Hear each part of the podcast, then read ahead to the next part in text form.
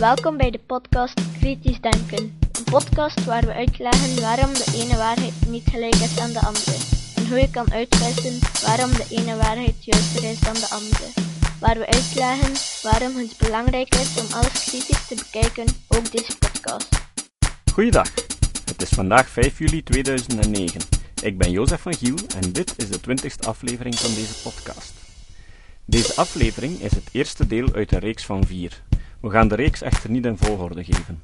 Het is een iets aangepaste vertaling van het script van de film The Doubting Approach, die je op YouTube kan bekijken. Op mijn website vind je een link naar deze film. Deze vertaling heb ik samen met Riek de Laat gemaakt. De twijfelbenadering deel 1. In deze aflevering zal ik uiteenzetten wat ik heb aangeduid als de twijfelbenadering. Sommige mensen zouden de twijfelbenadering een filosofisch standpunt noemen. Anderen zouden het een denkwijze noemen.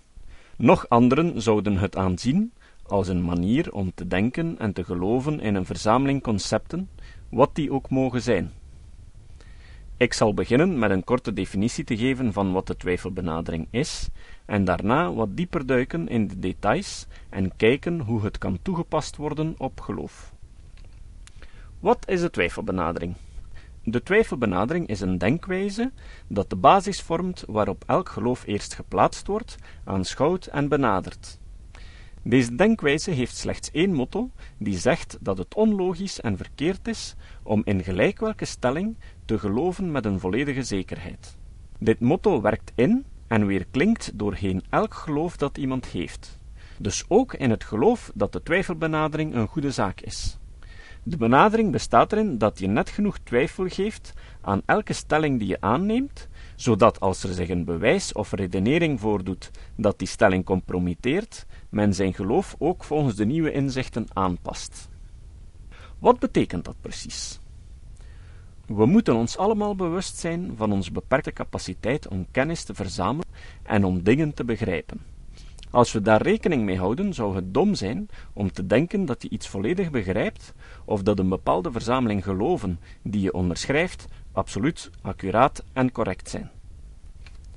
De twijfelbenadering vertrekt van het standpunt dat niemand iets volledig kan weten en dat geen enkel concept volledig accuraat kan zijn. Met andere woorden, niemand zou ooit in iets met 100% zekerheid mogen geloven. Het is geen verrassing dat er een uitzondering op die regel is, en waarschijnlijk dacht je er al aan. Descartes was bijna juist toen hij zei: Ik denk, dus ik ben. Het basisidee is juist, maar ik denk dat hij een beetje nauwkeuriger was indien hij eerder iets zei zoals: Ik denk, dus is er iets. Uiteindelijk zou alles wat we kennen, het heelal en alles erin, enkel een computerprogramma kunnen zijn, een individuele entiteit, mijn denken betekent niet noodzakelijk dat ik één van de vele individuele entiteiten ben. Er kan er slechts één zijn. Dat is in ieder geval de enige uitzondering op de twijfelbenadering, namelijk dat niemand in wat dan ook zou moeten geloven met 100% zekerheid. Uiteindelijk denk ik dat een persoon twee opties heeft in de manieren om iets te geloven: de volledige zekerheidsbenadering. Wie deze benadering toepast, zou een bepaald geloof zo onderschrijven dat het onmogelijk is dat zijn geloofssysteem, hoe dan ook, onnauwkeurig of verkeerd is. 2. De twijfelbenadering. Wie deze benadering toepast, zou zich ervan bewust zijn dat er een mogelijkheid bestaat dat gelijk welk conceptueel geloof verkeerd kan zijn. Dat hij misleid werd, dat de zintuigen faalden of dat zijn gebruikte logica verkeerd kon zijn. Het zou dan wijs zijn om bewust de mogelijkheid open te laten dat er bewijzen of redeneringen kunnen ontstaan, of al bestaan, die een specifiek geloof dat ik nu onderschrijf zouden ondermijnen. De volledige zekerheidsbenadering laat je permanent vastzitten in een geloofssysteem, terwijl de twijfelbenadering je toelaat je ideeën aan te passen aan nieuwe informatie. Voor wie verder wil gaan, is het nuttig om volgende vraag te stellen. Wat is je geloof betreffende de Godhypothese? En met welk zekerheidspercentage? Natuurlijk fluctueert ieders geloof, maar geef een ruwe schatting of een bereik van waar je nu bent. Wat je ook antwoordt, Je zal binnen één van deze twee categorieën vallen. De eerste is de volledige zekerheid-categorie, waarin je terechtkomt als je op deze vraag met 100 of 0% hebt geantwoord. Dat betekent dat je heel zeker bent dat er een God bestaat, of dat je heel zeker bent dat er geen God bestaat. De tweede is de twijfelbenadering-categorie. Als je iets anders dan 0 of 100% antwoordde, ik veronderstel dat zelfs als je 99,5% of 99,9% zeker bent dat je bijvoorbeeld gelooft in de judeo-christelijke God, dan is je twijfel in het bestaan van God nog altijd 0,1%. Als ik er voor mezelf een cijfer op moet plakken, dan neig ik ergens tussen 70 en 80 procent terecht te komen voor wat betreft mijn ongeloof in een theïstische God of in elke theïstische God. Theïstische godsdiensten zijn godsdiensten zoals het christendom, het jodendom en de islam, die geloven in een soort persoonlijke God. Deze God houdt zich bezig met het reilen en zeilen van de mens. Ik voorzie nog een link naar Wikipedia op mijn website met een meer gedetailleerde definitie. Dat betekent dat ik over mijn ongeloof twijfel voor ongeveer 20 à 30 procent, wat voor mij genoeg is om, als er ooit een bewijs of redenering opdaagt die het bestaan van een theïstische God ondersteunt, van gedachte te veranderen. En nu, wat is uw percentage of schatting? Wat je ook opgeeft, het is belangrijk dat je jezelf genoeg twijfel laat, om je toe te laten te veranderen van mening en je geloof aan te passen als bewijzen of redeneringen ernaar vragen. Iedereen is verschillend. Sommigen hebben veel twijfelruimte nodig om hen toe te laten van gedachten te veranderen, anderen hebben slechts een hele kleine hoeveelheid nodig, om zich ervan te vergewissen dat je mening kan veranderen wanneer dat nodig is. Uiteindelijk doen de cijfers er niet zo toe, wel de categorieën. Die zijn zeer belangrijk omdat ze beïnvloeden hoe we in iets geloven. En hoe we in iets geloven heeft een directe invloed op ons gedrag, dat op zijn beurt andere mensen beïnvloedt. In het volgende deel gaan we dieper in op de volgende punten.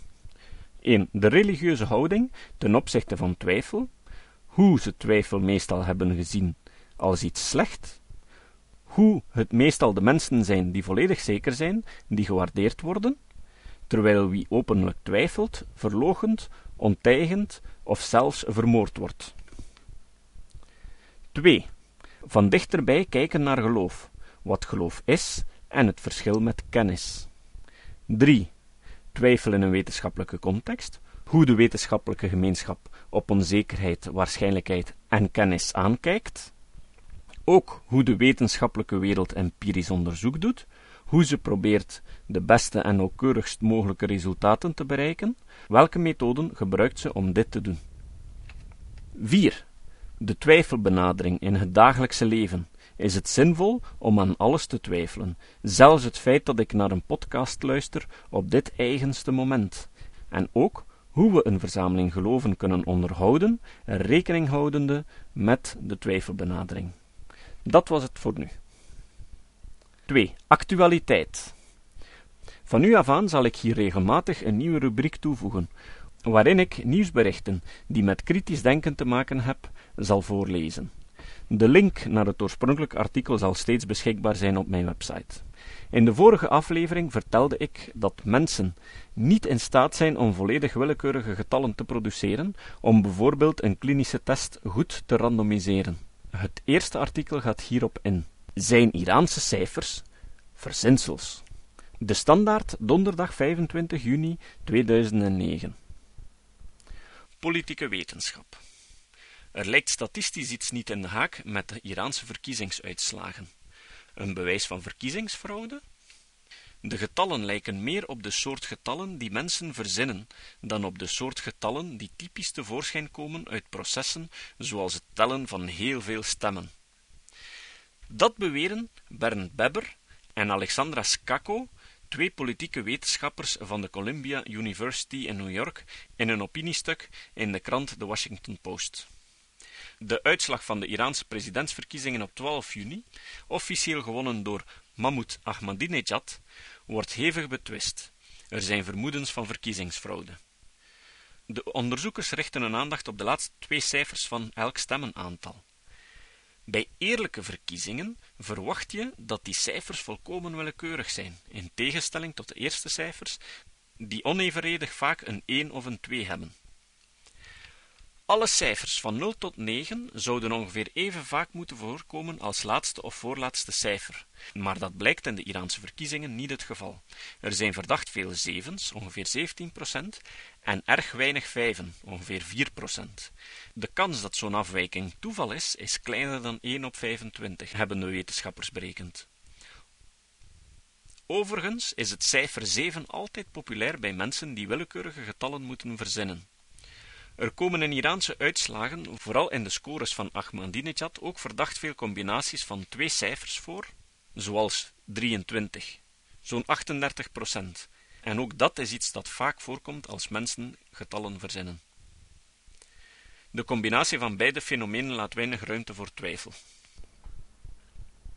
Het tweede artikel dat ik hier zal voorlezen komt van de Vereniging tegen Kwakzalverij, met als titel Miljarden verknoeid aan zinloos onderzoek. Het is een vertaling van een onderzoek dat werd bevolen door de Amerikaanse regering. Miljarden verknoeid aan zinloos onderzoek. In totaal 2,5 miljard dollar overheidsgeld van de VS is verknoeid aan onderzoek van alternatieve methoden.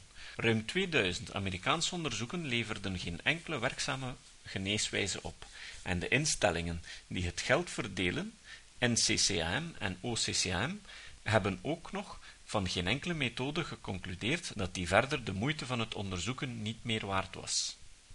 Het National Center for Complementary and Alternative Medicine, NCCAM, is de opvolger van het Office of Alternative Medicine, OAM, dat in 1992 werd opgericht onder druk van de Amerikaanse senator Tom Harkin.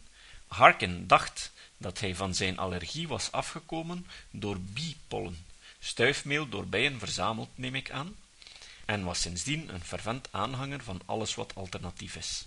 Het OAM begon met een bescheiden 2 miljoen, maar het budget groeide en in 1998 werd het opgewaardeerd tot NCCAM, een der vele instituten in de National Institute of Health. Tot en met 2003 verdeelden het OAM en het NCCAM al 370 miljoen dollar. Er komen nu stemmen op in Amerika om deze funding stil te zetten. De stand is nu al ruim boven het miljard. Het budget van het NCCAM voor dit jaar bedraagt 122 miljoen.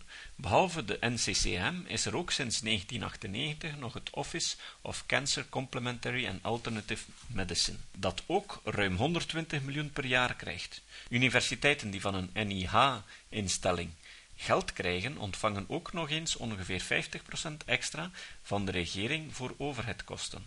Alles bij elkaar is er 2,5 miljard dollar uitgegeven, met vrijwel niets als resultaat, tot ontsteltenis van Tom Hartkin.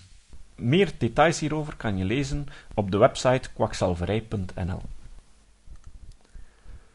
Het citaat. Het citaat van vandaag komt van Baruch Spinoza. Spinoza leefde in het 17e-eeuwse Nederland, dat een relatief vrij land was vergeleken met de rest van Europa. Het is daarom dat mensen zoals hij en Descartes er hun ideeën hebben kunnen naar voren brengen. Spinoza had een zeer revolutionair gedachtengoed voor die tijd. Hij geloofde bijvoorbeeld niet in bovennatuurlijke krachten zoals mirakels en was een van de eerste filosofen die ervan uitging dat God zich niet met het dagelijkse leven van de mens bemoeit. Een volgens mij zeer belangrijk inzicht dat Spinoza aan de wereld gegeven heeft, is dat goed en kwaad eigenlijk niet bestaan. Alles is wat het is. Het zijn de subjectieve verlangens en de context van de mens die iets goed of kwaad maken. Spinoza geeft hierbij het voorbeeld van muziek, dat zowel goed of slecht kan zijn.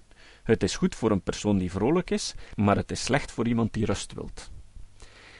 In Tractatus Theologico Politicus schreef Spinoza: Iedereen moet vrij zijn om de basis van zijn overtuiging te kiezen. Dat geloof mag alleen beoordeeld worden op haar vruchten. Tot de volgende keer. Net was de podcast Kritisch Denken. Vergeet niet om alles kritisch te behandelen, ook deze podcast. Voor verdere informatie over deze podcast, links en voor de tekst, surf naar www.kritischdenken.info. Als je deze podcast belangrijk vindt, dan kan je me steunen door andere mensen warm te maken ook eens te luisteren. Stuur een e-mail naar je vrienden met een link naar mijn website of plaats de link in de handtekening van je e-mails. Je kan me ook steunen door op iTunes deze podcast een goede beoordeling te geven of een recensie te schrijven. Of je kan op je eigen website of blog een link naar mijn website plaatsen. Hoe meer links, hoe sneller je gevonden wordt op Google. Dat kan beloond worden door een link naar jouw website bij mij.